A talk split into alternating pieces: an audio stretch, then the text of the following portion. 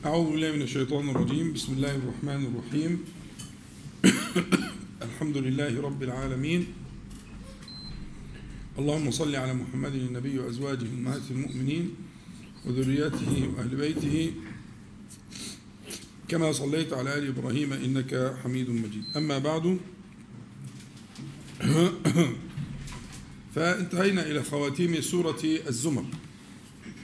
ومن يقرأ سورة الزمر كل ليلة مع سورة الإسراء سينتفع جدا بما يأتي من البيان في هذه السورة المباركة.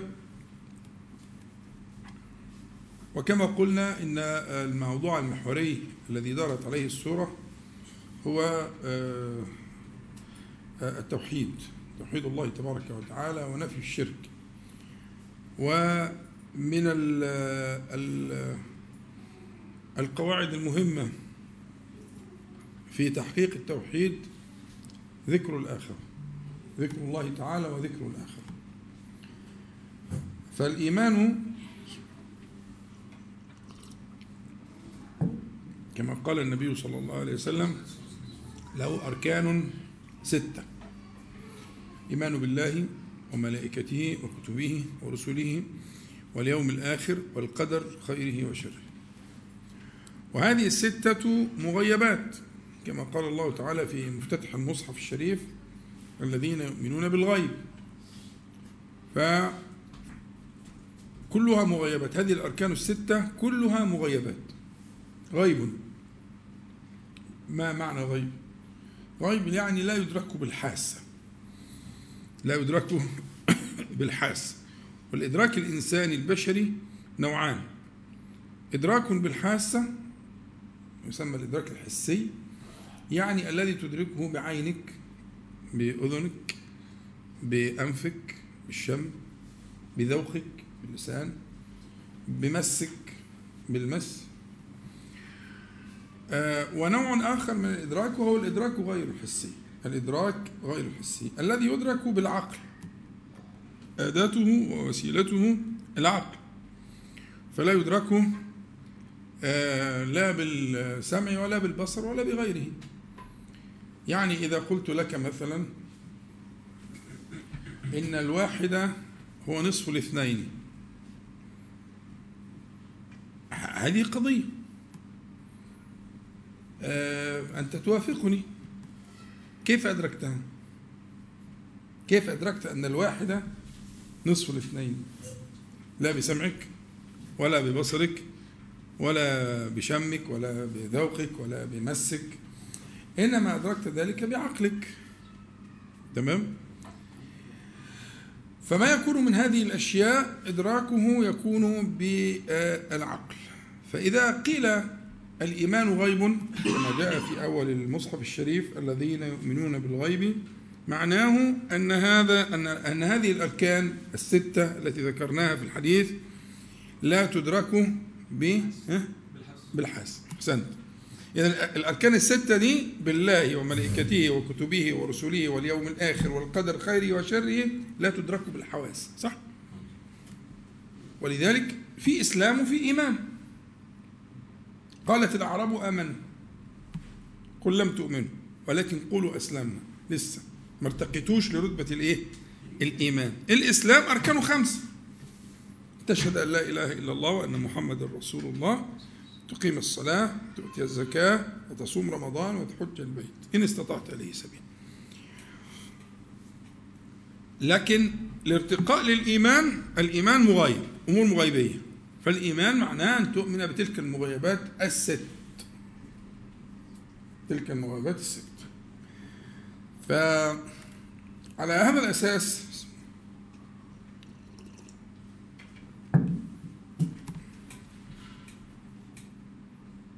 إن إن إن أركان الإيمان الستة التي نذكرها هي أمور مغيبة. لو بحثت في القرآن والسنة كل السنة وفي القرآن الكريم من أوله إلى آخره تذكر تجد أن الله سبحانه وتعالى ذكر الأركان الستة دي ذكرها. سبحانه وتعالى ذكر الإيمان بالله وملائكته وكتبه ورسله واليوم الآخر والقدر خير وشر لكن لو أردت أن تنظر في عدد الآيات لكل ركن من تلك الأركان الستة ماذا ستجد؟ تتوقع إيه؟ أكثر ركن في الستة مذكور في القرآن الكريم ومعتنى به بالتفصيل والبيان إلى آخره وكذلك في السنة المطهرة من جهة العدد والعناية والبيان والتفصيل إيه أكثر ركن؟ الله جل جلاله رقم واحد فيش آية تقريبا في القرآن الكريم ما فيهاش إشارة أو فيها عبارة فيها نص في ذكر الله تعالى بأسمائه وصفاته آه، بأفعاله جل جلاله. فإذا أكبر ركن من الأركان الستة استحوذ على الآيات والأحاديث هو الإيه؟ الإيمان بالله. ولذلك هو الأصل أصل الأصول جميعا أن تؤمن بالله تبارك وتعالى بأسمائه وصفاته. مظبوط؟ حلو وما يترتب على ذلك من أن توحده. فإذا آمنت به بأسمائه وصفاته وحدته في أفعالك وأقوالك وأحوالك جميعا. الركن الثاني الذي يلي هذا الركن في العناية الفائقة هو اليوم الآخر. اليوم الآخر حظي بتفصيل في القرآن الكريم لا لم يحظى به ركن آخر من بقية الأركان الخمسة ولا قريبا منه. ولا قريبا منه يعني أنت لما تقرأ القرآن بيجي ذكر القدر بيجي.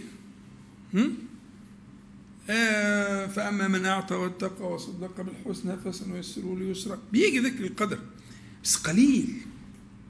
الكتب بيجي ذكر الكتب بس قليل. الرسل نفس الكلام. إذا ما قرن إذا ما قرن بذكر الآخرة سيل بحر محيط. وتفصيل التفصيل وبيان البيان. وصور بيانية تجعلك تحشرك حشرا في هذا الموقف. مظبوط؟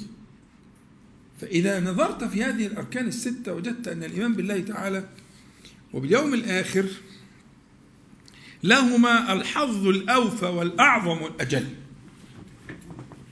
عشان كده قلت لك ستجد أن النبي صلى الله عليه وسلم كثيرا ما يقول من كان يؤمن بالله واليوم الآخر.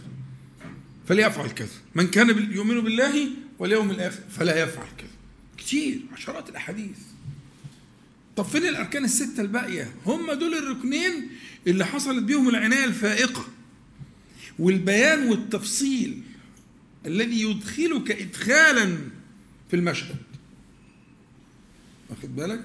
فإذا الموضع اللي معانا ده هو بيان لذلك. مثال من أمثلة عناية القرآن الكريم الفائقة ببيان اليوم الآخر. يبقى أنت مثلا تقول لي أنا أنت تدعوني إلى العناية بكتاب الله تعالى. أنا أعينك أكثر وأدلك أكثر دلالة أكثر على وأنت تقرأ القرآن الكريم اعتني جدا بهذين الركنين.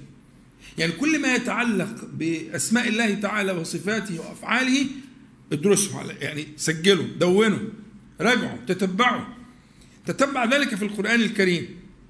كل ما ذكر الله تعالى باسم أو صفة أو فعل في القرآن الكريم فهذا هو البيان وهذا هو الركن الأعظم للدين كله وللإيمان. ألحق ذلك هذا تقدم كلامنا فيه تقدم. وقعدنا نتكلم فترة في ذلكم الله ربكم وسنعود كل كلما يعني أنا أوان ذلك. نعود إن شاء الله. نتكلم في هذا الركن الأجل الأعظم ركن الأركان ركن كل شيء. ركن الهداية والنجاة في الدنيا والآخرة. تتعرف على الله تعالى بأسمائه وصفاته. وهذا في القرآن أولا. لا تذهب إلى غير القرآن. فما في القرآن لا تجده في غير القرآن. فتش وابحث واقرأ وأنت تتلو وردك عما يصف به نفسه جل جلاله. وتباركت أسماؤه وتعالى ذكره يصف نفسه بالأوصاف وبالأسماء الجميلة الجليلة. تتبع ذلك. هذا اتفقنا عليه من قبل. أضيف الآن تتبع هذا الركن في القرآن الكريم. كل ما جاء ذكره وبيانه عن اليوم الآخر ستجد عجبا. ولا يشبه ذلك ركن آخر من من أركان الإيمان الخمسة الباقية وإن كان لها ذكر. ملائكة موجود الرسل موجود الكتب موجود القدر موجود موجود. لكن اليوم الآخر شأن آخر. شأن فيه من البيان والتفصيل كما قلت لك مرتين قبل ذلك يدخلك إدخالا تدخل فيه حتى تدخل في المشهد. مشهد مفصل كأنه يحدث الآن. تمام؟ صلوا على النبي صلى الله عليه وسلم.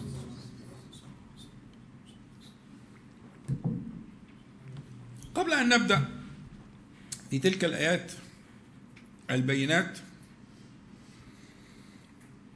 أريد أن أنبهك إلى أن الإنسان وهو المخلوق المكرم الذي كرمه الله سبحانه وتعالى له خمس حيوات.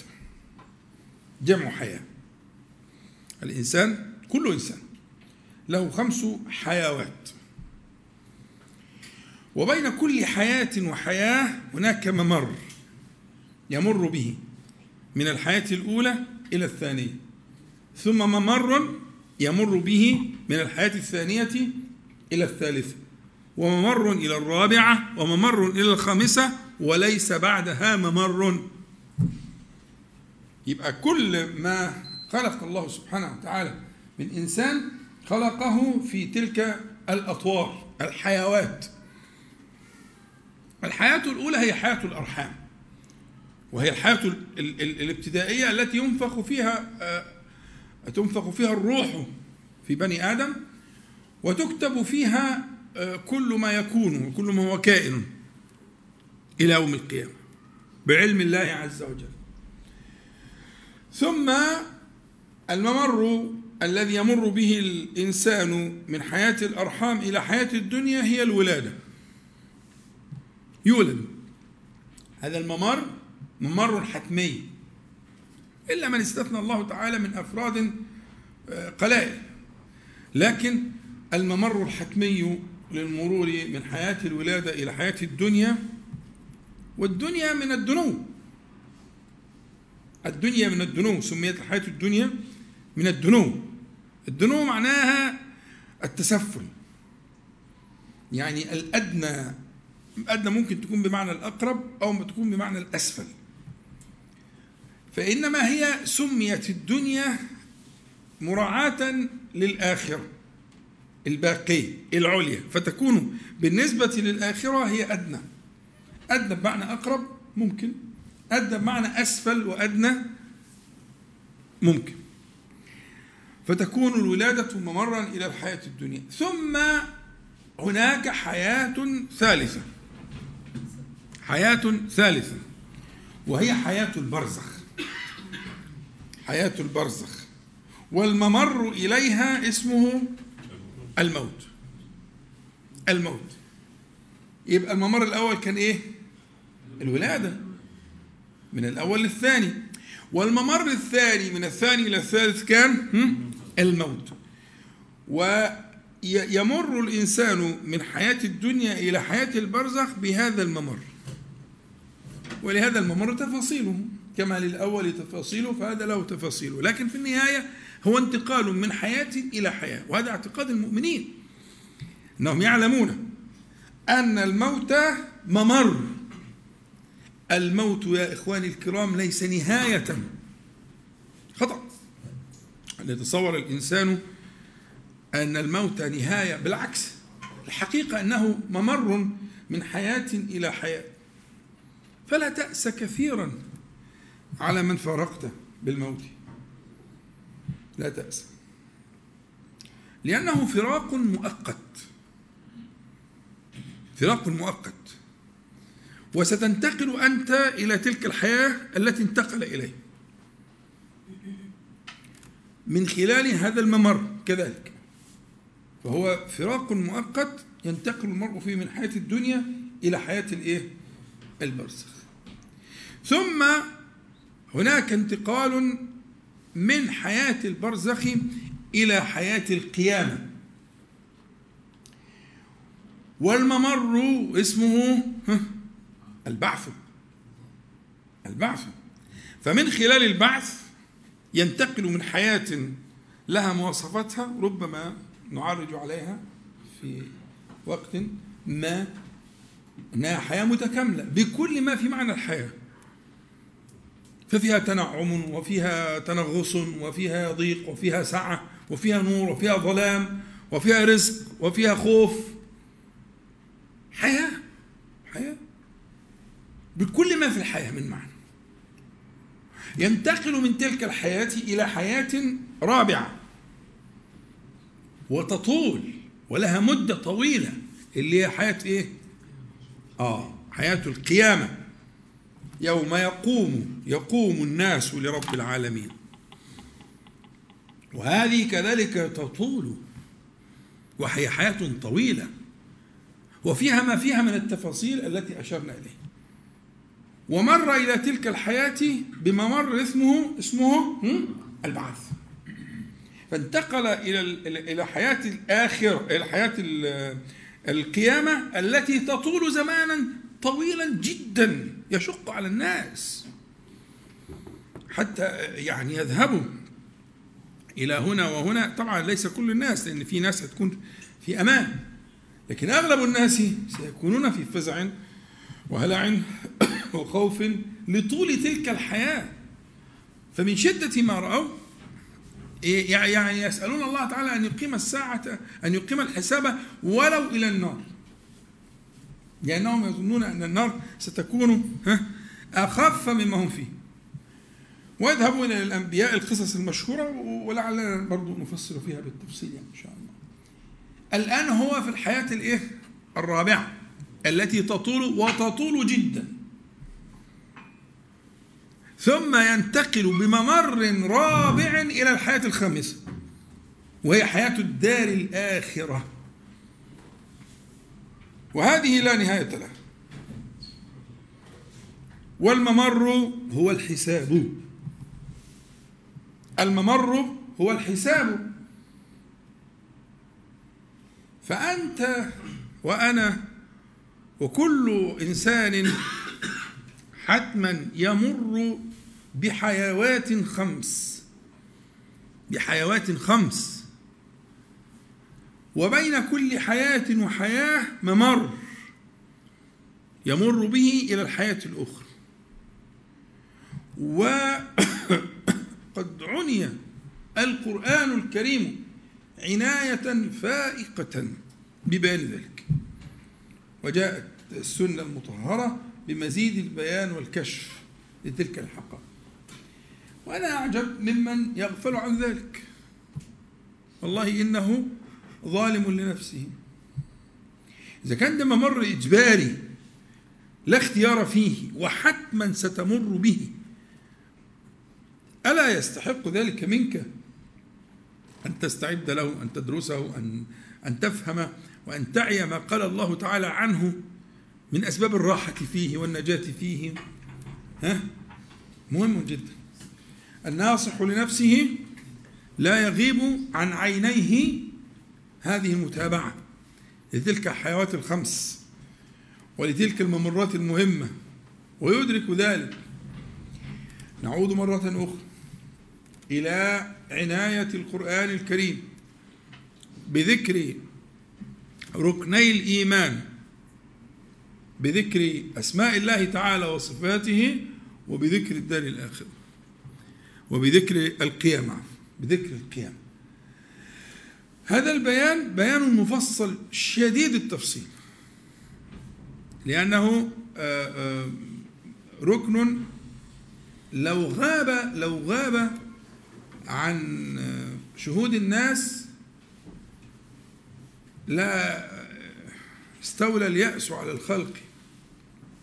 يعني لولا أن الإنسان يؤمن بالقيامة وبالحساب لكان طق كده؟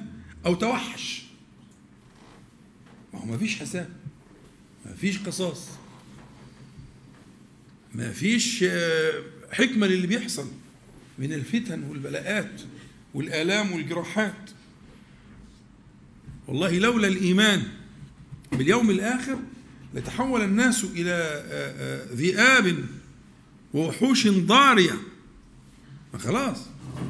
لكن هذا الميزان هو الذي يرد الناس ها إلى العدل وإلى الحق وإلى الصبر وإلى حسن الظن بالله تعالى وإلى اليقين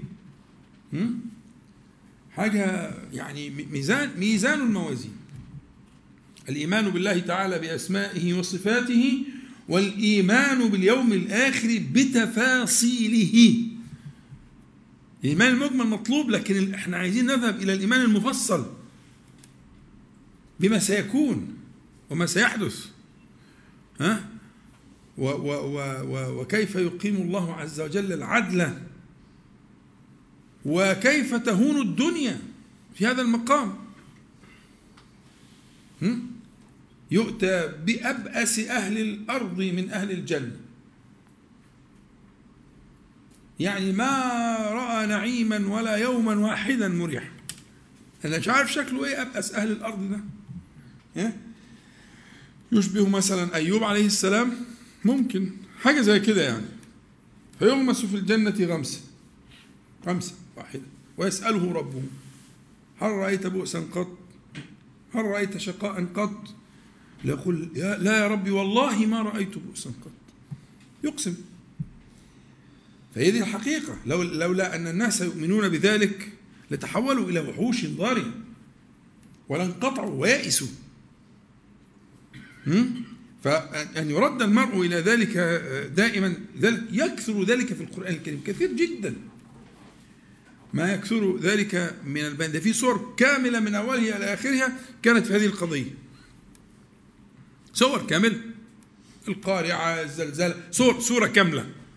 تأخذ بك وتدخلك في هذا المشهد. صورة كاملة صورة من صور القرآن الكريم. اللي هي مدار الإعجاز.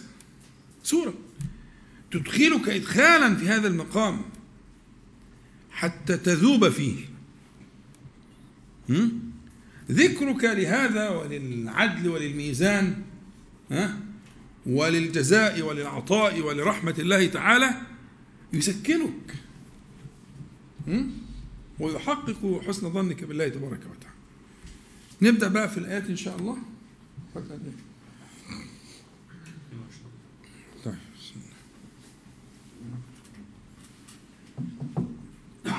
الحمد لله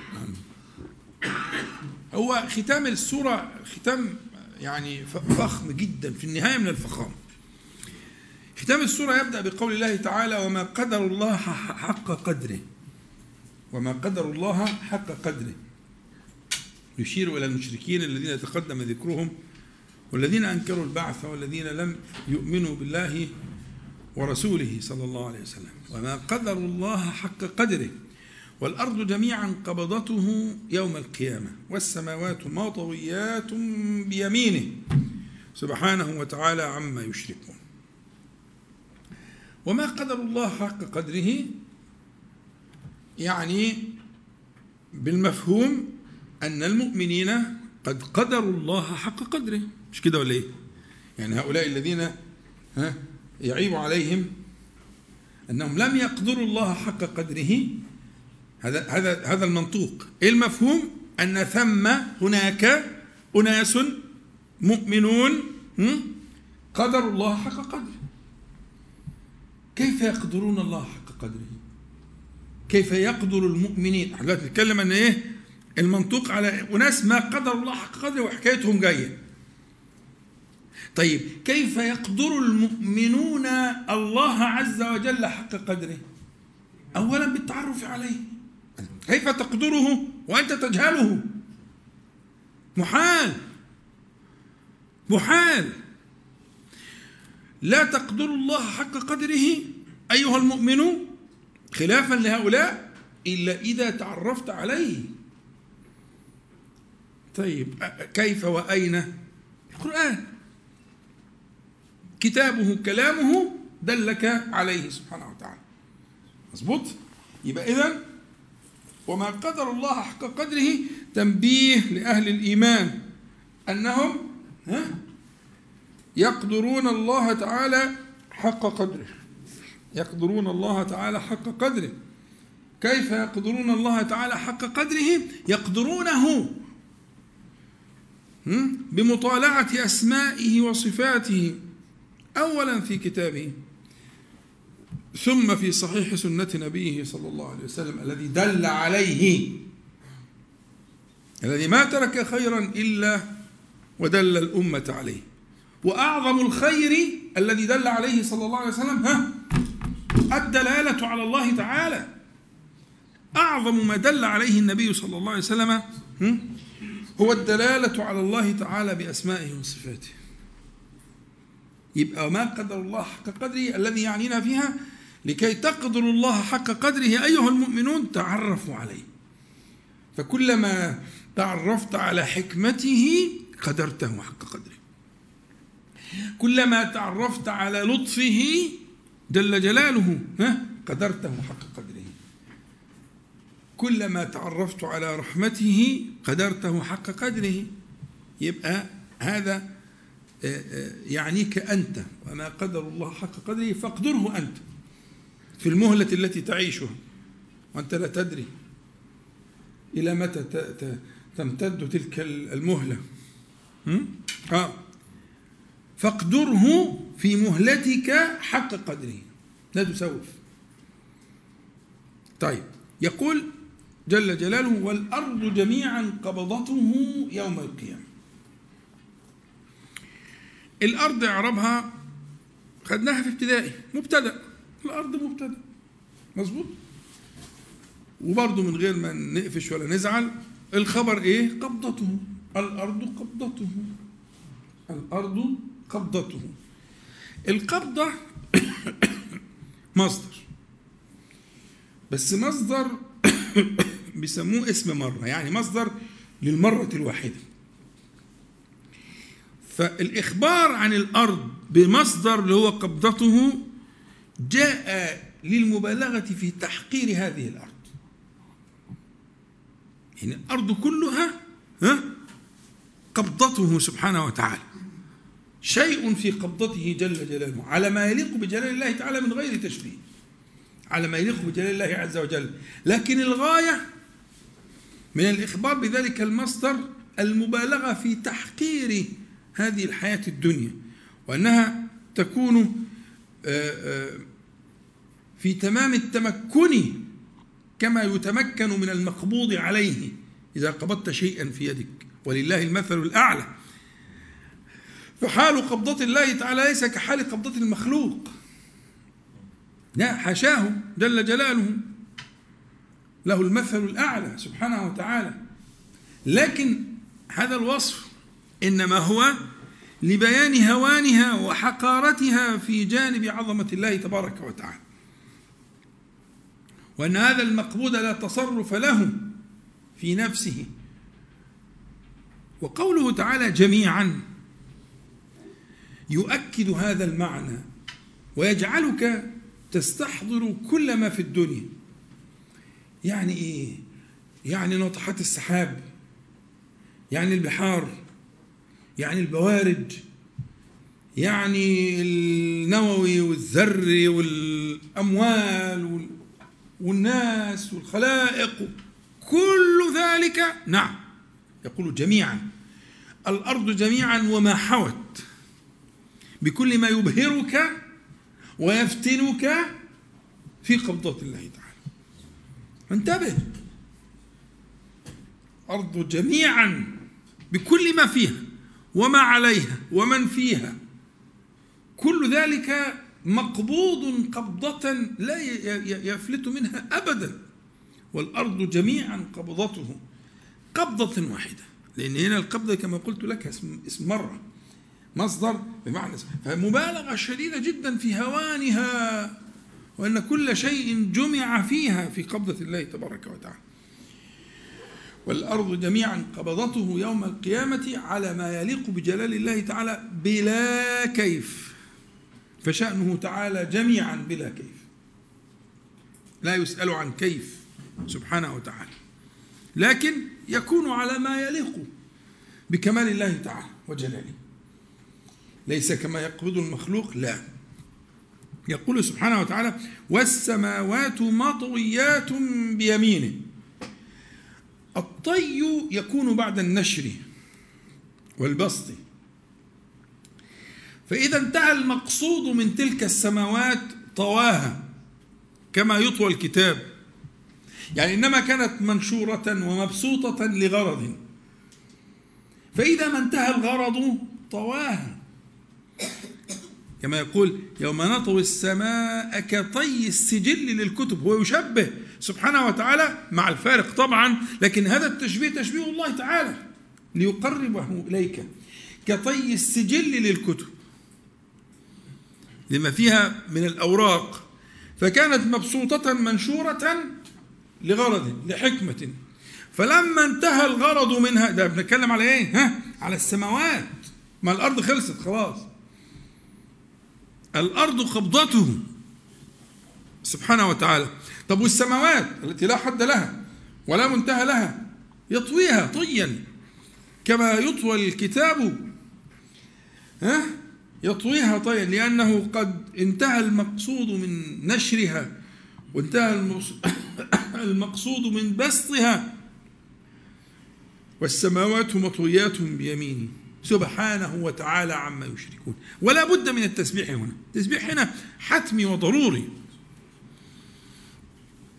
ليه؟ عما يقول هؤلاء السفهاء والذين يساءوا الظن بالله تبارك وتعالى.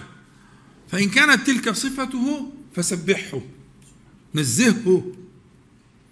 عما يقول الظالمون. تعالى وتمجد جل جلاله. سبحانه وتعالى عما يشركون. ثم انتقال من هذا الإجمال إلى شيء من التفصيل. إجمال في عظمة القدرة الإلهية. عظمة القدرة الإلهية جاءت في الآية دي أبدع ما يكون في البيان العربي. من أبدع ما يكون. وما قدر الله حق قدره والأرض جميعا قبضته يوم القيامة والسماوات مطويات بيمينه. ده إجمال لبيان القدرة والعظمة الإلهية. ثم يأتي إلى التفصيل في أول القيامة. أول ذلك قوله تعالى ونفخ في الصور فصعق من في السماوات ومن في الأرض إلا من شاء الله. ثم نفخ فيه أخرى فإذا هم قيام ينظرون. مسألة عدد النفخات فيها يعني تفصيل لكن الصواب والصحيح بل هو الحق أنهما نفختان. نفختان. نفخة أولى كما هو البيان هنا في هذه السورة لأن في بعض السور مثلا لم تذكر إلا نفخة واحدة صح؟ آه في سور القرآن الكريم. هي سورة النمل و... وسورة الحاقة ها؟ وغيره يعني ف... لكن هناك اقتصار على ما يناسب السياق. فكل كل سياق يناسبه لكن هذا سياق البسط والبيان وسياق ذكر الآخرة فجاء هنا البيان أنهما نفختان. نفخ في الصور فصعق من في السماوات ومن في الأرض إلا من شاء الله. المستثنون من الصعق هم في خلاف برضه في المسألة لكن الراجح أنهم الذين ليسوا من المكلفين. يعني لم يكونوا مكلفين. زي الملائكة مثلا. وإن كان في المسألة خلاف لكن هو اتجاه مقبول جدا أن هذا الاستثناء يكون آه، آه، ليس من ليسوا من المكلفين كالملائكة وكنافخ الصور وكجبريل إلى آخره إلا من شاء الله.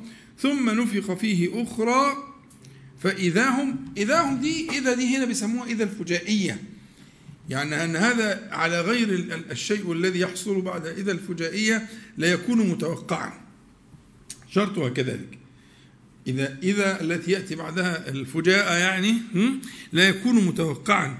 فبعد همودي وخمودي وفنائي آه، ما في الكون ينفخ نفخة أخرى نافخ الصور ينفخ فيه فإذا هم قيام ينظرون يعني هذه إذا الفجائية.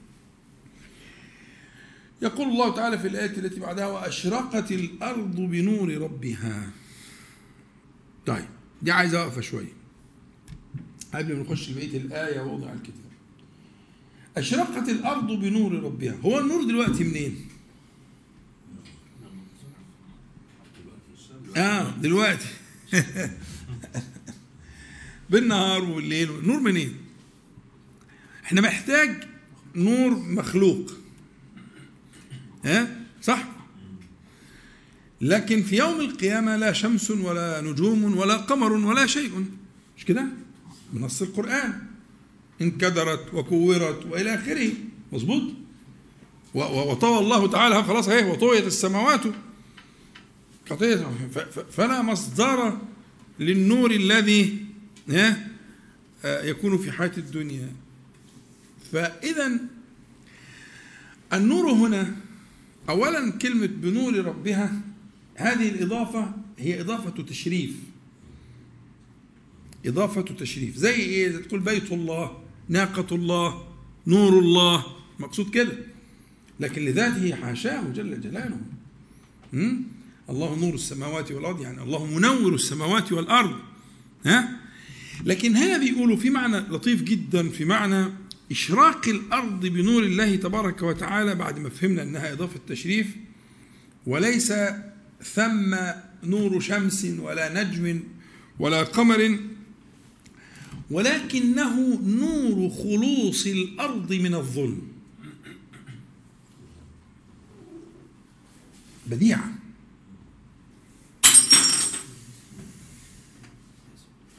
دي إيه؟ كوباية. فذاك الدنيا كلها. طاقم كامل فذاك. صلوا على النبي عليه الصلاة والسلام. نور خلوص الأرض من الظلم.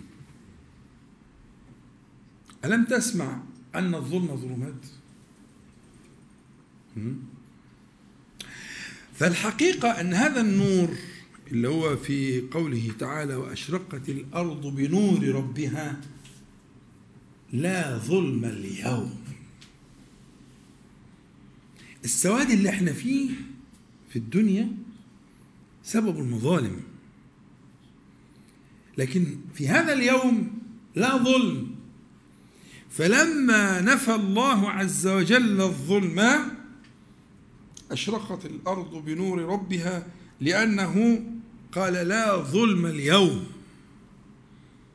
كما في سورة غافر. لا ظلم اليوم انتهى. والظلم ظلمات. ارجع إلى ما ذكرناه قبل ذلك أكثر من مرة وفصلناه تفصيلا لعله آه، آه، ينفعنا. يا رب العالمين. في مسألة ذكر الخروج إلى المساجد. اللهم اجعل لي في قلبي نورا وفي بصري نورا وفي سمعي نورا. وفي لساني نورا وعن يميني نورا وعن شمالي نورا ومن فوقي نورا ومن تحتي نورا ومن أمامي نورا ومن خلفي نورا واجعل لي نورا واجعلني نورا وفي أكثر من كده في بعض الروايات. إيه ده؟ أي نور ذلك؟ مش مش محال ان يكون هذا النور. ولا إيه؟ غير متصور يعني. أن يكون هو هو نور المصابيح أو نور الشموس أو النجوم. إيه لازمته في شعري وفي عصبي وفي مخي وفي إيه لازمته؟ ما المقصود بذلك؟ ابدا. إنما النور هو انتفاء المظالم والظلم. يعني يطهر ذلك من الظلم والمظالم. فإذا ما طهره سبحانه وتعالى من الظلم والمظالم أناره. جل جلاله. أناره. كما يقول وأشرقت الأرض بنور ربها. لما قال لا ظلم اليوم نورت. نورت. هي اللي مسودها دلوقتي في حياتنا ظلم الظالمين. ظلمك لنفسك وظلمك لأخيك وظلم أخيك لك شبكه منتشرة من المظالم التي لا لا تنقطع. سودت الدنيا. ده حجر الحجر الأسود كما صح في الحديث لما الحديث الشريف لما نزل من السماء كان أبيض من اللبن. سودته خطايا بني آدم. يعني كان منيرا نورا ذاتيا. انت تشوفه دلوقتي تلاقيه أسود. لما نزل الأرض لما كان في الصفاء ها كان بنور الله يعني إيه؟ بتنوير الله عز وجل. كان أبيض. كان أبيض منيرا. لكن لما نزل في المظالم ظلم المرء لنفسه وظلم المرء لأخيه ها اسود فالشواهد كثيرة جدا على هذا التفسير البديع. تفسير بديع. وأشرقت الأرض بنور ربها يعني نور خلوص الأرض من الظلم. ليه بقى؟ لأنه قال إيه؟ لا ظلم اليوم. خلاص. وأنت حينما تدعوه في ذهابك إلى المسجد أنت تسأل ذلك. أن يخلص سمعك وبصرك ولسانك وجوارحك. الآخر بقى ومن أمام كل ده أن يخلص ذلك كله ها؟ من الظلم. فلا تظلم نفسك ولا تظلم غيرك. فينير الله عز وجل آه جوارحك.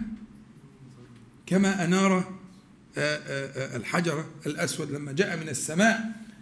وكما سينير الأرض إذا رفع الظلم. ان لا ظلم دي لا نافيه للجنس. بتاعت سورة غافر دي دي دي نافيه للجنس. يعني جنس الظلم منفي سينفيه الله عز وجل. فلتسكن نفوسكم أيها المؤمنون. ده هي ساعات الحياة دي ساعات قليلة. ما لبثوا غير ساعة. هم هيقولوا كده يقسم المجرمون. ما لبثوا غير ساعة. هي في أولها وأخرها ساعة. فصبر نفسك فالعدل هناك. ونفي الظلم هناك والنور ها هناك. وأشرقت الأرض بنور ربها. ووضع الكتاب الكتاب فيه خلاف لكن غالبا هو كتاب الأعمال. أحد الترجيحات القوية كتاب الأعمال. وضع الكتاب وجيء بالنبيين. لماذا؟ لأن الأنبياء شهداء. على أقوامهم. فكيف إذا جئنا من كل أمة بشهيد وجئنا بك على هؤلاء شهيد؟ صلى الله عليه وسلم. سورة النساء. فكل أمة هتيجي مع مع نبيها شهيدا. واخدين بالكم؟ بالنبيين على أساس الشهادة. ما إحنا إحنا في محكمة العدل. الحكم العدل. ونضع الموازين القصة ليوم القيامة. فلا تظلم نفس شيئا. وإن كان مثقال حبة من خردل أتينا به وكفى بنا حاسبين. إذا فهذا مقام العدل. فالمحكمة تقتضي وجود الإيه؟ ها؟ الكتاب والشهداء. وضع الكتاب ماشي. مين الشهداء بقى؟ أولا جيء بالنبيين. يبقى دول خلاص فهمناهم الآية بتاع سورة الإيه؟ النساء. والشهداء يعني من الملائكة الحفظة الكاتبين. سورة قاف. وجاءت كل نفس معها سائق وشهيد. يبقى وجيء بالنبيين شهداء يعني هنا مقام شهادة. والشهداء يعني من الملائكة يبقى شهداء من من من خيار خلق الله تعالى من الإنس وشهداء من خيار خلق الله تعالى من الملائكة الكرام. ليه؟ مقام الشهادة. هيحصل كلام وحكايات ونشر صحف ومراجعات و... ها؟ وكلهم آتيه يوم القيامة فردا. لازم يحصل طبعا. خدت بالك؟ وجيء بالنبيين والشهداء. وقضي بينهم بالحق بالخلائق بالحق بقى هنا الحق. الدنيا ما فيش فيها حق. فيها ظلم صح؟ فيها ظلم. لكن هناك لا ظلم. مهم جدا المعنى ده في منتهى الأهمية. الذي يردك ردا جميلا وإلا ستصير وحشا أو تموت كمدا لولا أن تذكر هذا الكلام. قضي بينهم بالحق بالله تعالى بوجود الشهداء من النبيين والملائكة الكرام. وقضي بينهم بالحق وهم لا يظلمون. تأكيد على معنى نفي الإيه؟ الظلم. ووفيت كل نفس ما عملت وهو أعلم بما يفعلون. هنا في مضاف محذوف يعني آه، آه، آه، ووفيت كل نفس جزاء ما عملت. مش ما عملت نفس نفس ما عملت لا طبعا لابد من تقدير هنا. ووفيت كل نفس جزاء ما عملت. مظبوط؟ يبقى ووفيت كل نفس ما عملت وهو أعلم بما يفعلون أظن كده الوقت خلص. تمام. طيب نكتفي على هذا المقدار ونبدأ إن شاء الله المجلس القادم. ربنا يبلغنا يا رب العالمين من أول قول الله تعالى وسيق الذين كفروا إلى ختام السورة. لكن آآ آآ هذا أمر ينبغي ألا يغيب عنك أبدا. وكما دعوتك وأكرر دعوتي اعتني بهذين المحورين في القرآن الكريم. معك ورقة وقلم كده وانت بتقرأ في الختمة القرآن بتاعك طلع ما يتعلق بأسماء الله تعالى وصفاته ها؟ في القرآن وهو كثير جدا جدا ثم أخرج ما يكون متعلقا بالإيه؟ باليوم الآخر. وسترى عجبا عجبا عجبا. نسأل الله تعالى أن ينفعنا جميعا بما قلنا وما سمعنا وأن يجعله حجة لنا لا علينا يا رب العالمين. اللهم صل على محمد النبي وأزواجه أمهات المؤمنين وذريته ولبيته كما صليت على آل إبراهيم إنك حميد مجيد. والحمد لله رب العالمين. أعوذ بالله من الشيطان الرجيم. بسم الله الرحمن الرحيم. الحمد لله رب العالمين. اللهم صل على محمد وأنزل المقعد المقرب منك يوم القيامة. أما بعد نبدأ إن شاء الله بالأسئلة ثم نثني بموضوع تصحيح المفاهيم في تحصيل السكينة والمودة والرحمة بين الزوجين. السؤال الأول حديث أتاني جبريل فقال يا محمد عيش ما شئت فإنك ميت وأحبب من شئت فإنك مفارقه واعمل ما شئت فإنك مجزي به واعلم أن شرف المؤمن قيامه بالليل وعزه استغناؤه عن الناس. يقول سمعت من عالم أن هذا حديث منكر لا أصل له في كتب عصر روايته وقد أعله ابن عدي واستنكره الطبراني. هل هذا الكلام صحيح؟ الجواب هذا الكلام غير صحيح وهذا الحديث حسن بمجموع طرقه وله طرق كثيرة. غير الطرق التي آه، رواها الطبراني في معجمه وحسنه كثير من أهل العلم ومن بينهم ومن آخرهم. الشيخ الألباني رحمه الله في السلسلة الصحيحة وحديث حسن مقبول بمجموع طرقه. يعني آه، نوع الضعف الموجود في السند مما ينجبر بتعدد الطرق. يعني في أنواع من الضعف في السند لا تنجبر مهما تعددت الطرق. كان يكون في كل الطرق كذاب مثلا. هذا لا ينجبر مهما حصل. لو ألف طريق طالما في كل الطرق كذاب يبقى لا ينجبر. ال ال ال لكن هناك أنواع من الضعف يمكن جبرها بتعدد طرق الحديث وهذا منها وهو حديث حسن لغيره يعني حسن باجتماع طرقه. ف وفوق كل ذي علم عليه يعني من آه، أثبت مقدم على من لم يثبت. من وجد مقدم على من لم يجد. فالذين وجدوا من أئمة الحديث وجدوا له طرقا باجتماعها تنقله إلى رتبة المقبول فالحديث مقبول. والله أعلم. هل الأرض أشرقت بنور ربها قبل أن يقبضها أن يقبضها سبحانه وتعالى جل جلاله بيده أم ماذا؟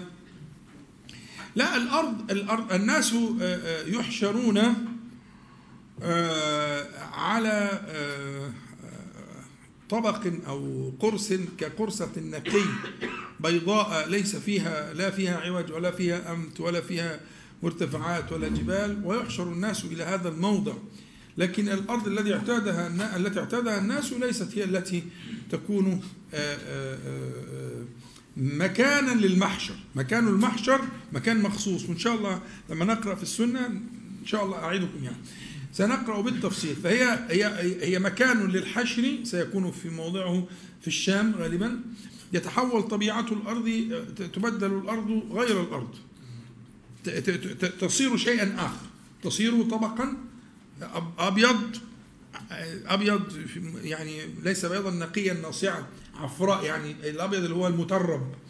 هذا اللون. ولا فيها شيء يختفي الإنسان وراءه لا فيها مرتفعات ولا هضاب ولا جبال ولا أشجار ولا ولا شيء. يحشر الناس من كل مكان إليه. وهذا يكون مكانا للحشر. وبقية الأرض لا تكون على الهيئة التي اعتادها الناس. فهذا المكان الذي يحشر الناس إليه سينار بنور الله تبارك وتعالى كما بينا في الدرس إن شاء الله. آه، هل يصح أن نقول بعد قراءة آيات القرآن أو ذكر الباقيات الصالحات نقول اللهم اجعل هذه الآيات لعنة على الظالمين ونصرا للمؤمنين المرابطين وفرجة لكربات المعتقلين. واجعل هذا الذكر نصرا للمستضعفين آه، بنية مشاركتهم الجهاد أم لا يصح؟ بداية آه، آه، الجمع بين قراءة آيات القرآن الكريم أو ذكر ما ذكر النبي عليه الصلاة والسلام هذا خطأ. ليه؟ لأن القرآن الكريم هو صفة الله تعالى تكلم به. فهو مما يتوسل به إلى الله عز وجل. يعني أن تتوسل الله تعالى بالقرآن. لا لا تتوسل الله تبارك وتعالى بالسنة. خدت بالك؟ فقداسة القرآن ليست تشبهها قداسة لأنها صفة الرحمن سبحانه وتعالى. كلامه تكلم به. فإذا اعتبرت أن القرآن صفة الله تعالى واعتقدت ذلك وتنبهت إليه فمثلا توسلت به إلى الله تعالى فالأمر قريب جدا. فإنما يتوسل إلى الله تعالى بصفاته أي أسمائه وصفاته والقرآن كلامه. فإذا توسلنا إلى الله تبارك وتعالى بالقرآن الكريم فهذا أمر قريب جدا. فأنت تتوسل إليه بما تريد بقى سواء اللي أنت قلته أو غير اللي أنت قلته كويس. الإنسان لما يقرأ القرآن فيتوسل بهذا الكلام المعظم كلام الله تعالى يتوسل به إلى إلى الله عز وجل. يا أيها الذين آمنوا اتقوا الله وابتغوا إليه الوسيلة. فتبتغون الوسيلة يعني هذه من أعظم الوسائل من أعظم ما يتوسل به إلى الله تعالى أن تتوسل به إليه سبحانه وتعالى بكلامه.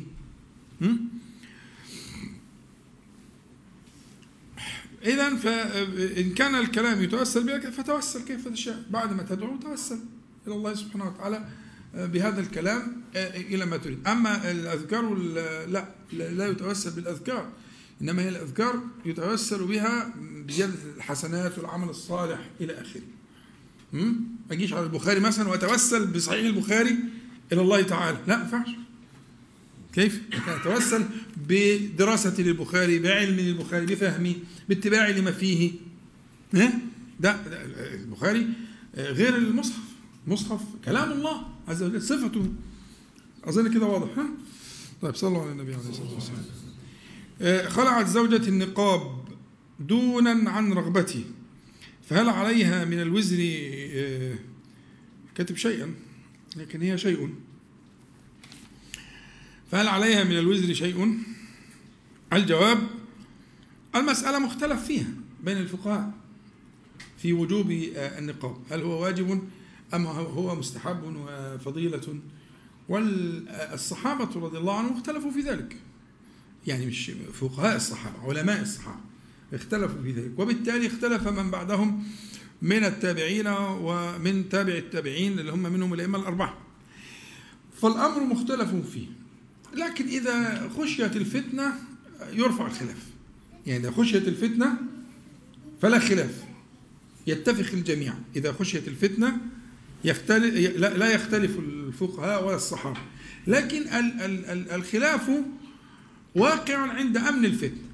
عندما يكون آه، في لا يكون في كشف وجه المرأة آه، فتنة. حينئذ الخلاف قائم. لكن إذا خشيت الفتنة لأسباب كثيرة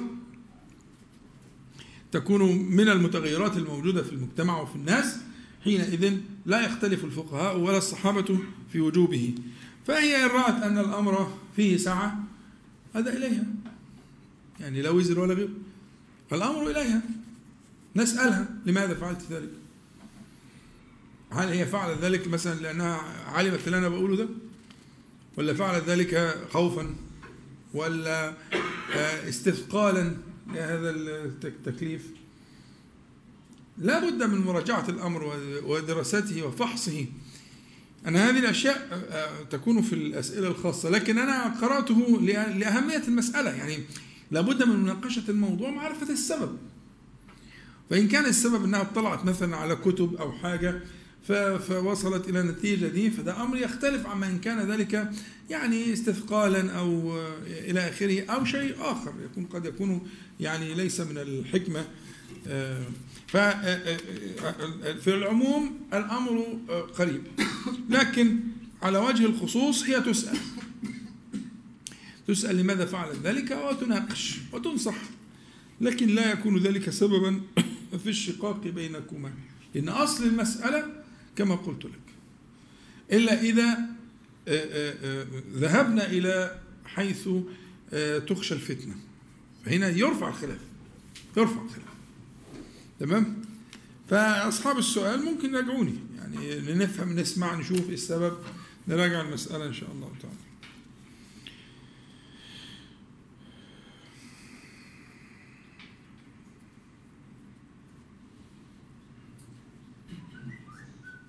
إزاي احب زوجي واهلي واقدم ربنا سبحانه وتعالى حتى في معاملاتي معهم ويكون رقم واحد في قلبي وأكون يعني تعني الله تعالى أظن كده يعني. وأكون صادقة مع ربنا سبحانه وتعالى.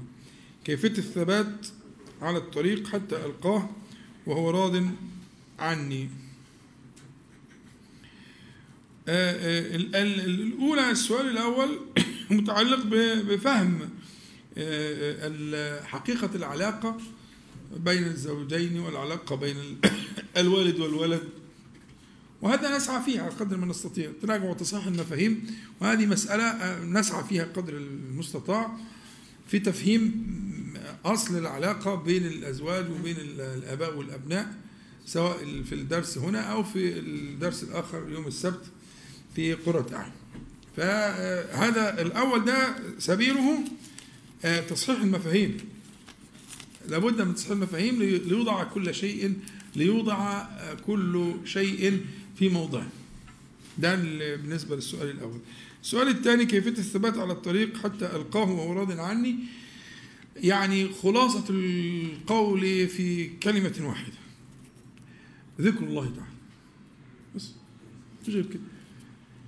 يعني اذكروا الله ذكرا كثيرا وسبحوه بكرة وأصيلا. إلا يحافظ على ذكر الله تعالى كما كان يذكر النبي صلى الله عليه وسلم ربه هو محفوظ قولا واحدا ومهدي ومرشد. وكلما قل ذكرك لله تعالى كلما زاد احتمال الانحراف.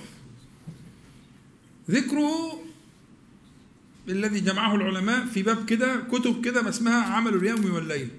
اللي هي الكتب الصغيرة والكبيرة اللي هي في الأذكار الصباح والمساء والدخول والخروج والطعام والمنام والأوراد الذكر القرآن الكريم إلى آخره. هو ده.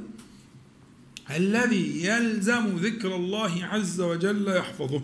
مفيش فيها دي مش عايز الكلام من غير تفاصيل. سيهديك الله. سيهديك وسيهديك الله عز وجل. بلزوم ذكره سبحانه وتعالى. خلاص؟ الزم ذكره الله تعالى وسيهديك ببركة اتباعك وطاعتك للنبي صلى الله عليه وسلم. وإن تطيعوه ها؟ آه يهتدوا فاتبعوه صلى الله عليه وسلم. في باب الذكر. كونوا ك ك ك كحاله المشرف. على قدر ما تستطيعون. ها؟ من الاستغفار ومن التسبيح ومن الذكر الأول النهار وآخر النهار وفي كل حال. حينئذ آه، آه، إن شاء الله يعني أنتم في العافية. عندما أغضب أكون قاسية الطبع ماذا أفعل؟ أريد أن أكون لينة الجانب هينة خصوصا مع الوالدين والأقارب. لا هذه حالة خاصة. يعني أو لو جاوبنا عليها إجابة عامة هناخد وقت طويل. دفع الغضب و و و و ذكره النبي صلى الله عليه وسلم في الرجل الذي سأله مرارا ثلاث مرات يقول له أعظني فيقول لا تغضب. يكرر عليه فيقول لا تغضب. لماذا؟ لأنه كان يعلم من حاله أنه يحتاج إلى وأن الذي يصلحه تماما هو ذلك وأنه إذا عافاه الله تعالى من الغضب صار شيئا آخر شخصا آخر. فاللي عنده البلاء ده لابد من الايه من المعالجة. طبعا قوله صلى الله عليه وسلم لا تغضب. هذا فيه فيه محذوف. إزاي لا تغضب هو بيغضب؟ ما فيش حاجة اسمها لا تغضب هي في حاجة اسمها إيه؟ لا تأخذ من الاسباب التي توصلك للغضب. لا تتكاسل في في الموانع التي تمنع عنك الغضب. هو معنى كده. لكن لا تغضب هو بيغضب فعلا. ده أنا جاي بشتكي لك إن أنا بغضب. لكن الصحابي فهم. فلما قالوا لها تغضب يعني إيه؟ لا, لا سد تلك الأبواب والذرائع التي توقعك في الغضب. خذ بالأسباب التي تمنع الغضب إذا وقع. يبقى حاجتين. الأبواب التي توردني هذه المهالك والأسباب التي أدفع بها الغضب. وده موجود في الحديث وهذا مفصل. ذكر الله تعالى الاستغفار الاستعاذة بالله من الشيطان الرجيم. تغيير الحال القايم يقعد واللي قاعد ينام ويقوم تتوضأ إلى آخره. وأعظم ذلك كما يقول أهل العلم تجريد التوحيد. تجريد التوحيد. يعني إيه تجريد التوحيد؟ يقولون أن تعلم أن الله تبارك وتعالى خلق العباد وخلق أفعال العباد. فالذي أغضبك من من عمرو أو من زيد إنما هو من خلق الله تعالى. هذا فعل الله. فلا تغضب على سيدك ومولاك. دي رسالة.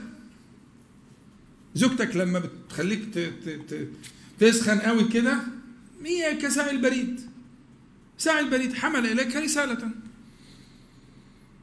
فانظر في المرسل. يعني إن شئت فليكن كلامك مع المرسل. أنت مالك ومال ساعي البريد. أنت تحكم علي بالحمق بالحمق الشديد. لو واحد فتح الباب لقى ساعة البريد جاب له خطاب بيفتح الخطاب لقى فيه واحد بيشتمه. بأقذع الألفاظ. راح ماسك ساعة البريد وضربه. ده حمق. حمق وجهل وماله. هو في الحقيقة يحمل إليك رسالة. هذا من المهم جدا. يسمونه إيه؟ تجديد التوحيد. أما بقى على وجه الخصوص فيبقى في تواصل لصاحب السؤال أو صاحبة السؤال لأن في علاجات بقى. في اللي هو العلاج السلوكي المعرفي وفي التدريبات وفي اللي هي تدريبات الحياة والمهارات الحياتية والحاجات دي مهم جدا وبتعمل نتائج ممتازة جدا. وفي عندنا نساء صالحات يقومن بهذه الوظيفة وفي رجال صالحون يقومون بذلك اللي هي تدريبات الحياة والمهارات الإيه؟ المعرفية السلوكية. مهمه جدا. ده على وجه التفصيل. لكن الإجمال قد سمعته أو قد سمعتي. فمن اراد التفصيل يتواصل إن شاء الله. لو جاء في اللباس نجس ونسيت وصليت دون إزالته. هل أعيد الصلاة إذا تذكرت؟ والله على حجم النجاسة. وحقيقة النجاسة لأن قد يكون توهم وأنا بصراحة بصراحة بخاف من الوسوسة. لأن أنا ممكن أفتي في الورقة زي كده ويطلع صاحبها عنده وسوسة يبقى أنا قضيت عليه. فأنا عايز أعرف تفصيل. إيه هي النجاسة؟ ما يطلع مش نجاسة ولا حاجة هو فاكر إنها نجاسة. مثلا أو هي فاكرة إنها نجاسة. أو حجمها قد إيه؟ حجمها كبير حجمها صغير. فالحكم يتوقف على هذا التفصيل. فصاحب السؤال أو صاحبة السؤال يراجعني. ليه خوفا من أن أطلق الإجابة إطلاقا فيترتب عليها الإيه؟ الوسوسة. ويبقى كده كالمستجير من الرمضاء بالنار. بعالج أنا حاجة قد كده ولعت فيها. لأنه إذا ذهب بالوسوسة خلاص انتهى عمره. يقضي عمره كله في دفع الوسوسة. وربنا أرحم بنا من أنفسنا مش متصور أبدا. ما يفعل الله بعذابكم. هذا جهل ما يفعل الله بعذابكم. هو الشريعة جاية عشان تخنقنا وتعذبنا؟ ده جهل ده جهل بالله تعالى بأسمائه وصفاته. وربنا سبحانه وتعالى أنزل هذه الشرائع عشان يخنقنا؟ ويعذبنا؟ حاشاه جل جلاله. ها؟ فهي مسألة آه، آه، تحتاج إلى آه، مشافهة.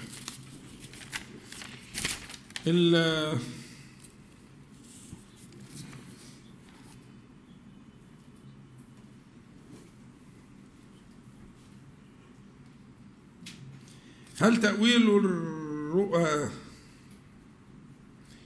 إن كان يأخذ المؤول في تفسيره بالقرآن والسنة مش عارف إيه يأخذ يأخذ مالا يعني؟ مش عارف. هل يحاسب على تأويل الرؤى كمن يحاسب على الفتوى أم أن الأمر فيه سعة واجتهاد؟ سؤال مش واضح. مش فاهم. يعني هنا في أجر مال مثلا؟ لا لا لا يقصد ياخذ القرآن والسنة يستعمل القران والسنة في التفسير يعني تأويل الرؤى. آه ك- كاقتداء يعني بالشهوات يعني؟ هل يحاسب على تأويل الرؤى كمن يحاسب على الفتوى؟ يعني يعني إن أصاب إن أصاب فله أجران وإن أخطأ فله أجر. آه آه. أما أمن الأمر فيه سعة واجتهاد.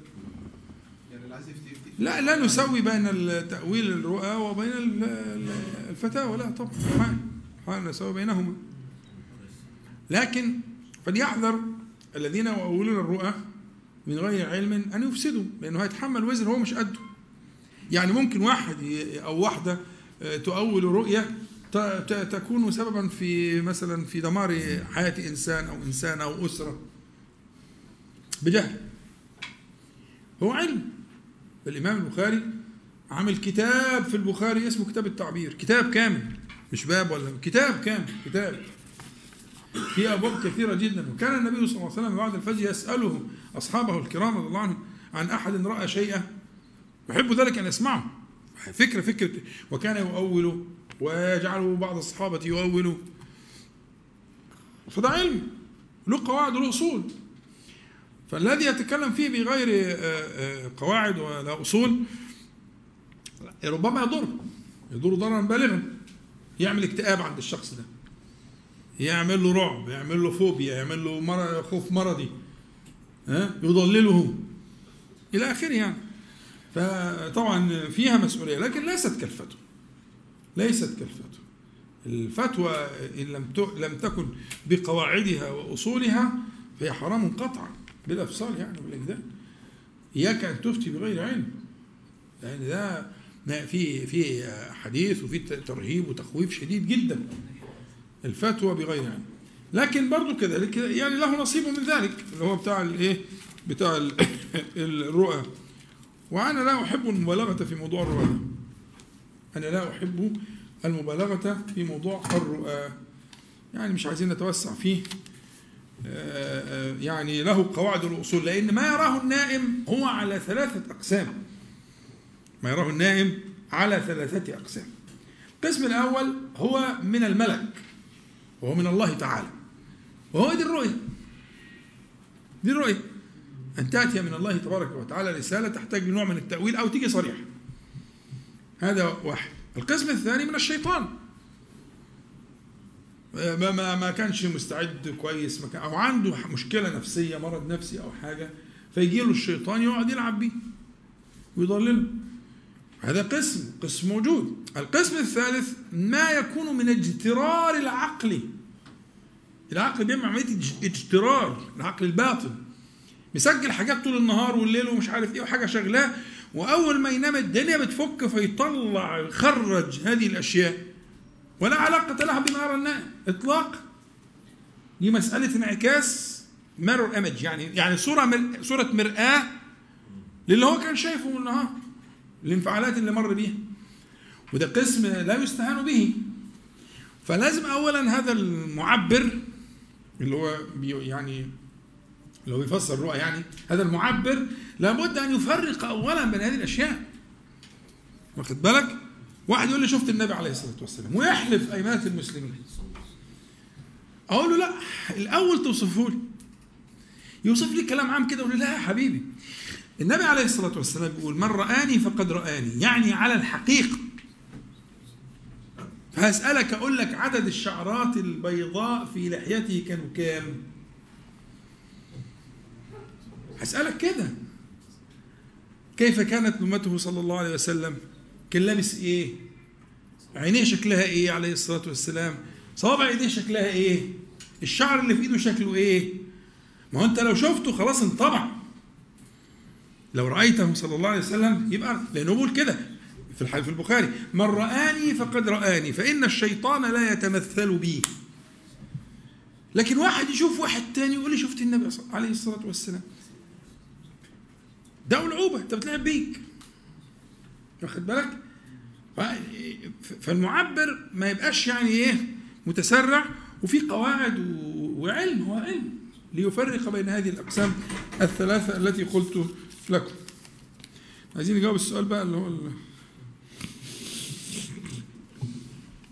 طيب السؤال ده جاوبناه قبل كده بس برضه عشان خاطر ال- الناس الطيبين هجاوبه تاني. هل فوائد بنك آه، آه، أبو ظبي الإسلامي جائزة؟ الجواب إن البنوك الإسلامية نشأت على أسس شرعية منافية للأسس التي أسست عليها البنوك الربوية. هذا أمر لا يختلف فيه اثنان ولا ينتطح فيه عنزان امور مستقره هذه البنوك إنما أسست البنوك الإسلامية في العالم الإسلامي كله أسست على قواعد شرعية خلافا للقواعد الربوية. ولكن يعني تراها بعد ذلك أنواع من الخلل والانحراف والأخطاء. لكن محال أن نسوي بين بنوك أسست على الأصول الشرعية ثم اعتراها ما اعتراها من الخلل وال وال- والأخطاء والعيوب نسوي بينها وبين الإيه؟ البنوك التي أسست على الربا. هو من أكبر الكبائر. محال. هذا محال. تختلف بقى فيما بينها. في حجم الضغوط اللي بتمارس عليها في حجم الأخطاء اللي فيها في حجم ال- ال- ال- سلطان الهيئات الرقابية الشرعية على على لأن آه، من شروط البنوك الإسلامية أن يكون لها هيئة رقابة شرعية. ده شرط. ففي بعض الهيئات الرقابة الشرعية بتكون قوية ونافذة الرأي ويمكن أن توقف أنواع من المعاملات وأن تراجع وعندها نشاط وعندها متابعة وكده. وفي هيئات شرعية بتكون أقل من كده وفي هيئات شرعية زي عدمها زي عدمها خدت بالك؟ الفكرة إنه أنت محتاج أن آه، يعني تنظر في هذه التفاصيل لتحكم على المسألة. الامر الثاني آه، قد يكون السائل أو السائلة عنده من الإشكالات وعنده من من الضرورة ما يجعل المفتي آه، يتغافل عن بعض هذه المخالفات لأنها ليست آه، مؤسسة على الربا لكن فيها مخالفات في بعض المعاملات وفي بعض المعاملات مختلف فيها في بعض المعاملات يعني المرابحة للأمر بالشراء دي أمر مختلف فيه. أمر من النوازل القضايا الفقهيه المعاصرة واختلف الناس فيه. منهم من أحله ومنهم من حرمه. موجود. واخد بالك؟ فاذا فالمساله فيها تفصيل يراعى في حال السائل. يراعى في حال السائل. ولذلك أنا لا أجيب عن هذه المسألة إجابة عامة. أنا إجابة خاصة. لكن في الإجابة العامة قد يكون حلال محض للبعض. وقد يكون للبعض من الأولى تركه. وقد يكون للبعض لا ينبغي عليه أن يذهب إليه.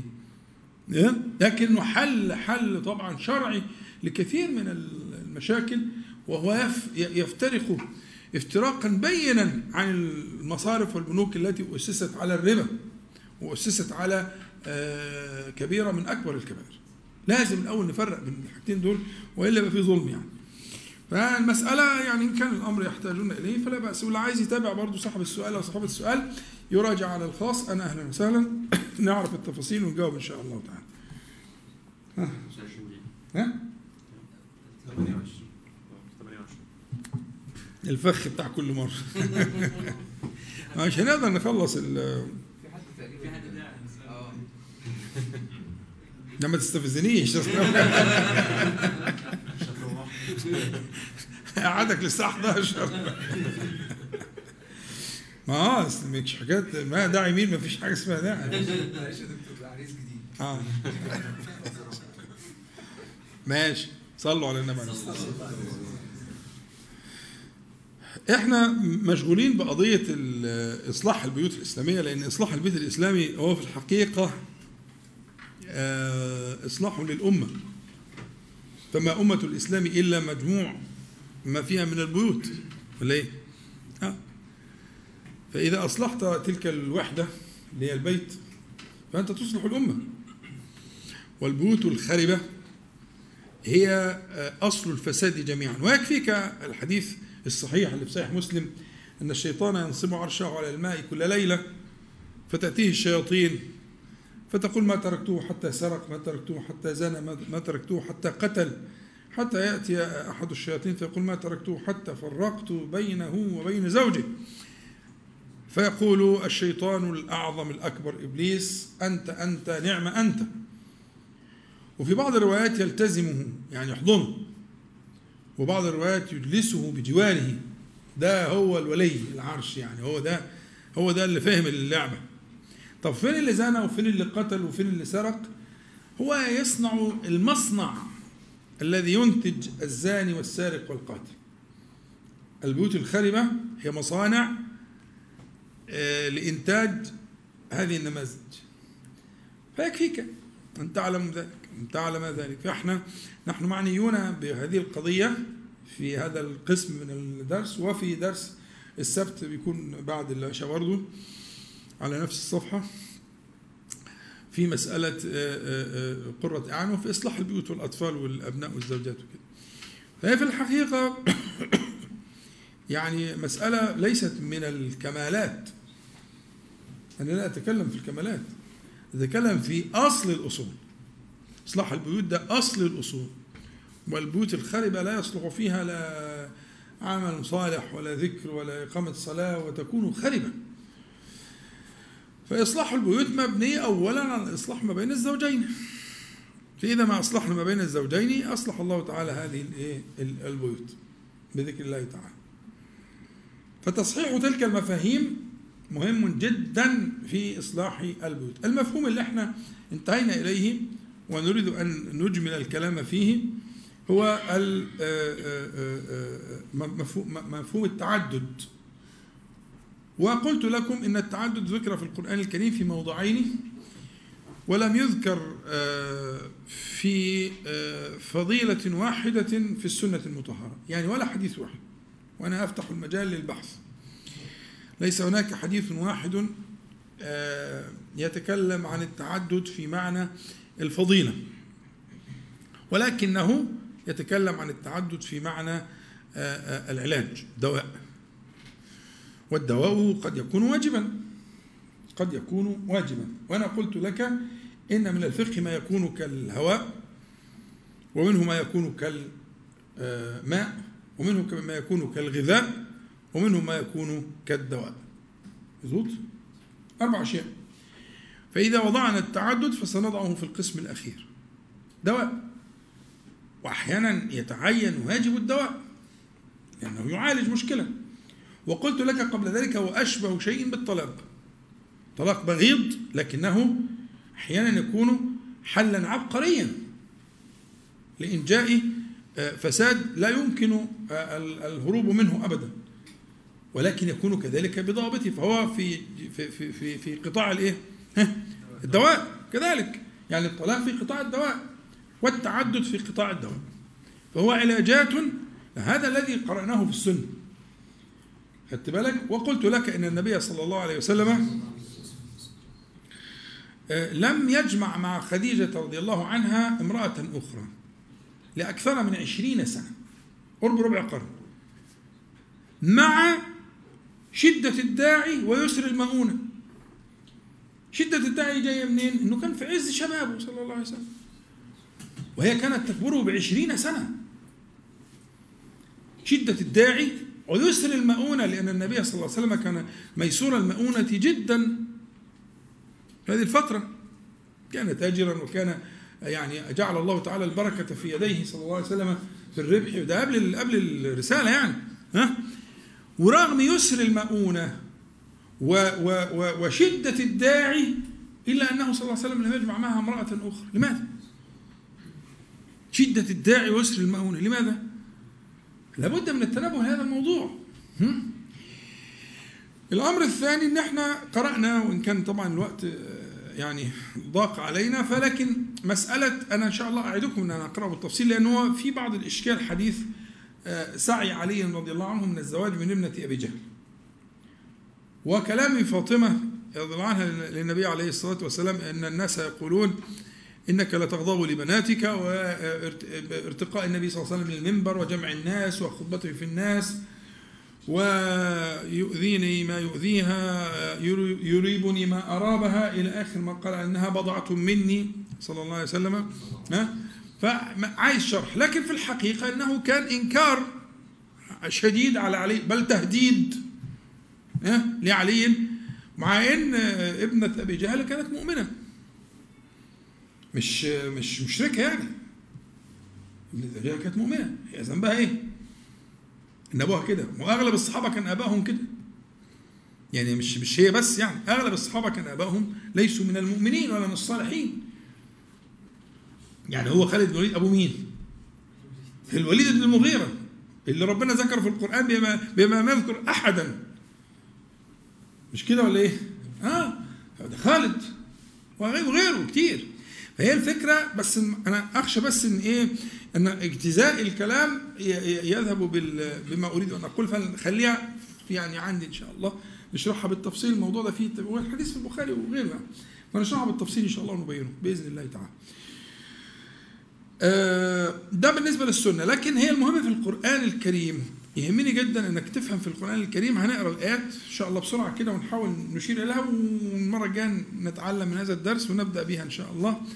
إن كان في العمر بقيه لكن أذكرك أنها كما قلت لك قضية أنها درء المفسدة أو علاج أو دواء أنه اعتبار المصلحة والمفسدة والموازنة بينهما مهم جدا في هذا القرار أن اعتبار العرف والعادة أصيل في هذه المسألة أصيل في هذه المسألة والفقه فيها يعني وأنا قرأت لك من كلام الفقهاء ما أثبت ذلك في في الأم عند الإمام الشافعي وفي مذهب الإمام أحمد وغيره. يعني قرأنا لو تذكرون ارجعوا إلى ما كان في المجلس السابق.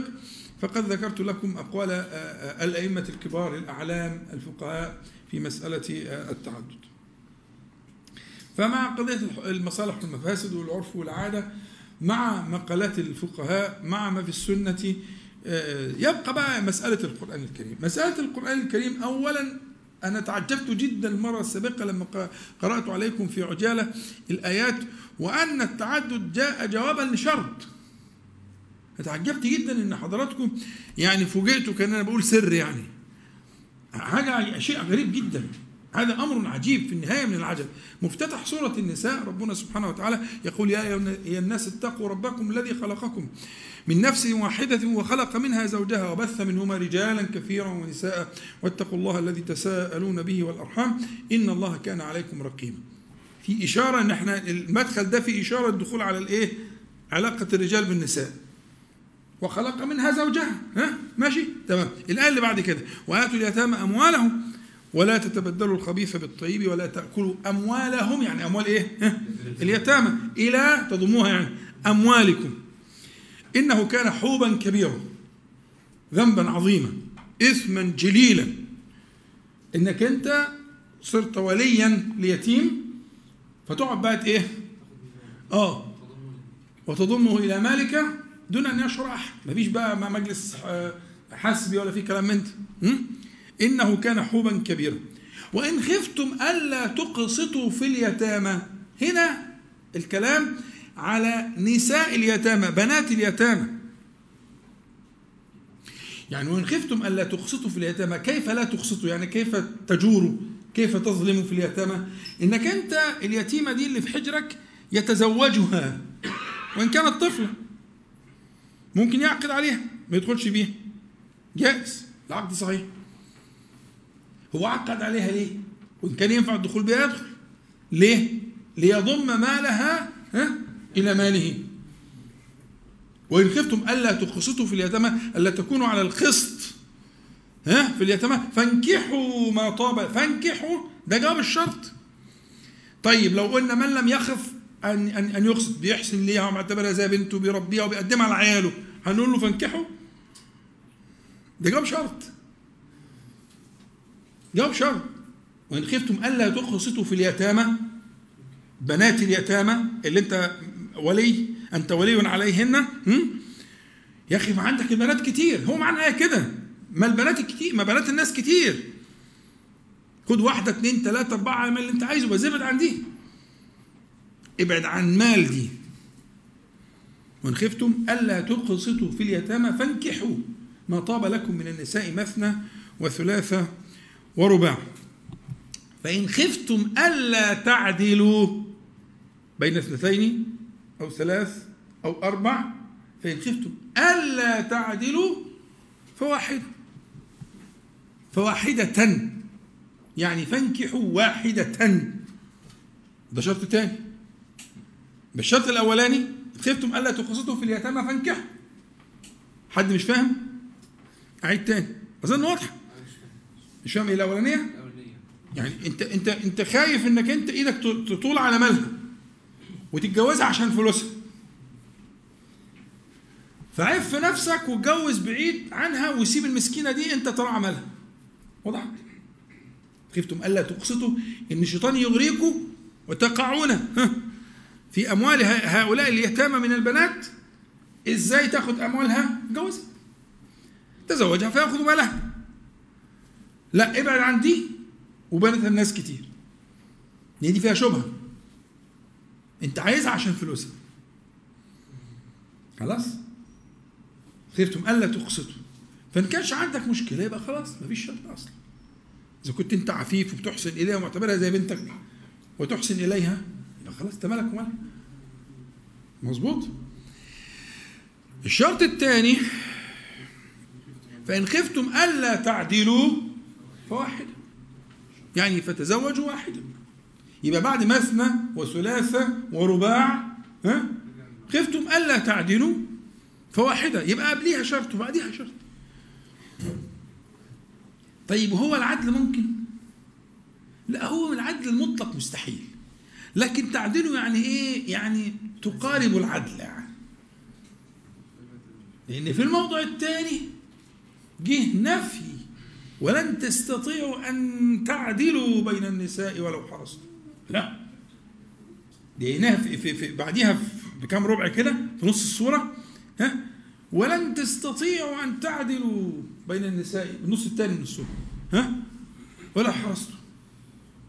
يبقى هنا بيقول إيه؟ سبحانه وتعالى فإن خفتم ألا تعدلوا فواحدة. وهناك بيقول إيه؟ لن تستطيعوا أن تعدلوا.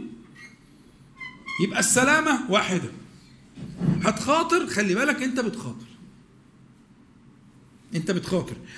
لو انت بتخاطر بإذن الشرع يعني على معنى الدواء ربنا هيعينك. وهيسددك. وهيحفظك. وهيسكن لك الخلق دي إلى حد ما. واخد بالك؟ انت ما انت بتعمل كده بإذن الشرع بضرورة الشرع. ما أنا مش هحرم اللي ربنا حله. بس هو أحله سبحانه وتعالى بقانون وقاعدة قاعدة الدواء. ينفع أنت دلوقتي زي الفل كويس تروح نازل مشتري مضاد حيوي ب 250 جنيه وتقعد تاخده؟ عبث. مضر. مضر يضرك. ولا إيه؟ لكن في أوقات يبقى يبقى life saving إنقاذ للحياة. ولو ما خدتوش ها؟ تدعو وتأثم. لو ما خدتش مضاد الحيوي ده تأثم وربنا حاسبك. تقدر تيجي ما جبتوش ليه؟ أنا توكلت على الله. تعالى لي بقى على جنب عشان انت إيه؟ من الفرقة اياها بقى اللي هو إيه؟ آه ساب الدواء عشان مش عارف إيه. ده انت مسكين. انت عايز لكن الشخص الطبيعي يتعين عليه ياخذ الدواء. ليدفع الداء ويأخذه بقدره. مش لعبة يعني. مش لعبة. انت اخده عشان إيه؟ عشان الولد. كويس. ما كفاية. واحدة كفاية. لا بقت لعبة بقى. الثانية الثالثة الرابعة. وبعدين يبدل. كل ما واحدة تقدم يجيب حاجة أحدث موديل. أيوة في عقليات كده. مساكين. مساكين. يعني للأسف في كده. للأسف. لكن الحقيقة أنت تتعامل معها كعلاج للقضية. حاجة مشكلة. تحتاج إلى ذلك لسبب أو لآخر. من يفعل ذلك على قاعدة الشرع يعان ويسدد يقينا بالشرع وبالتجربة. وأنا أحكي لكم تجارب لا حصر لها. اللي يفعل ذلك تعدد بأمر الشرع وإذنه يعان ويسدد ويقوى ويوفق. لكن من فعله بجهل أو بهوى م? فإنه يوكل إلى نفسه. أنت لم تفعل ذلك في ضمان الشرع. لم تفعل ذلك في ضمان الشرع. إنما فعلته في ضمانك أنت. يلا بقى. فبالتالي إحنا هنا ال- ال- الآيات عشان بس أنا مختصر عشان الوقت لكن كنت عايز اقرا الآيات كلمة كلمة كالعادة ونحلل ونشوف المعاني لكن ربما يكون في مقابله. إحنا عندنا هنا في أول السورة شرطين. اسلوبين للشرط إن خفتم ألا تقسطوا في اليتامى فانكحوا. ما طاب لكم من النساء مثنى وثلاث ورباع. وبعدين فإن خفتم ألا تعدلوا فواحدة. منصوبة. يعني فانكحوا واحدة. يا؟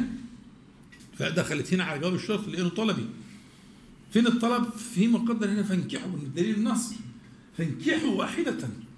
أو ما ملكت أيمانكم. ما عادش في ملكة اليمين. ها؟ يبقى فانكحوا فواحدة. ليه؟ ليه؟ ليه ذلك أدنى ألا تعولوا؟ تعولوا دي فيها قصة طويلة بس مش الوقت ما يناسبش اشرحها لكم إن شاء الله في لما نقرأ الآيات كلمة كلمة. يبقى بالتالي نحن نرد الأمر إلى نصابه من غير إفراط ولا تفريط. هذا أمر مشروع ولكنه كما قسمنا الأشياء الأعمال الشرعية والأذون الشرعية قسمناه إلى الهواء. الهواء زي إيه؟ ذكر الله. ذكر الله. مثل الحي والميت كمثل الذي يذكر الله تعالى ولا يذكر الله. مثل الذي يذكر الله تعالى ولا يذكر الله كمثل الحي والميت. فالهواء. إن الذي لا لا يذكر الله تعالى هو الميت. يبقى ده الهواء. صح؟ وفي منها ما هو كالماء. زي الصلوات الخمس? الجمعة إلى الجمعة. ورمضان إلى رمضان. قال مكفرات لما بينهن. إذا اجتنبت الكبائر بتبايض الصحائف. التبييض الأسبوعي واليومي والشهري والسنوي. ها؟ ومنها ما هو كالغذاء يتقوى به ويفهم ويعمل زي الفقه وال- والأحكام؟ ثم منها ما هو كالدواء. والدواء قد يكون متعينا واجبا. ضربنا مثل بالتعدد وبالإيه؟ بالطلاق. هذه أدوية شرعية مذهلة. يعني ال- ال- المنصفون من من من من من علماء الغرب والكفار وأهل الكتاب المنصفون منهم يقول هذه من عبقريات الشريعة الإسلامية. يحسدونكم على ذلك على مسألة الإيه؟ الطلاق ومسألة التعدد وما إلى ذلك. لأنها تداوي وتعالج أمور قد لا تخطر على البال. قد لا تخطر على البال. لأنها علاجات ناجعة. دواء. فمن نزل هذه هذه المنازل فإن شاء الله آه، آه، فإذا الطلاق والتعدد لا يقصد لذاته تعبدا. لا يقصد لذاته تعبدا. إنما يقصد لغيره. لحاجة لدفع شيء لسد ثغر إلى آخره. لكن تصوير المسألة أنه يقصد لذاته تعبدا هذا خطأ. خطأ محض يعني.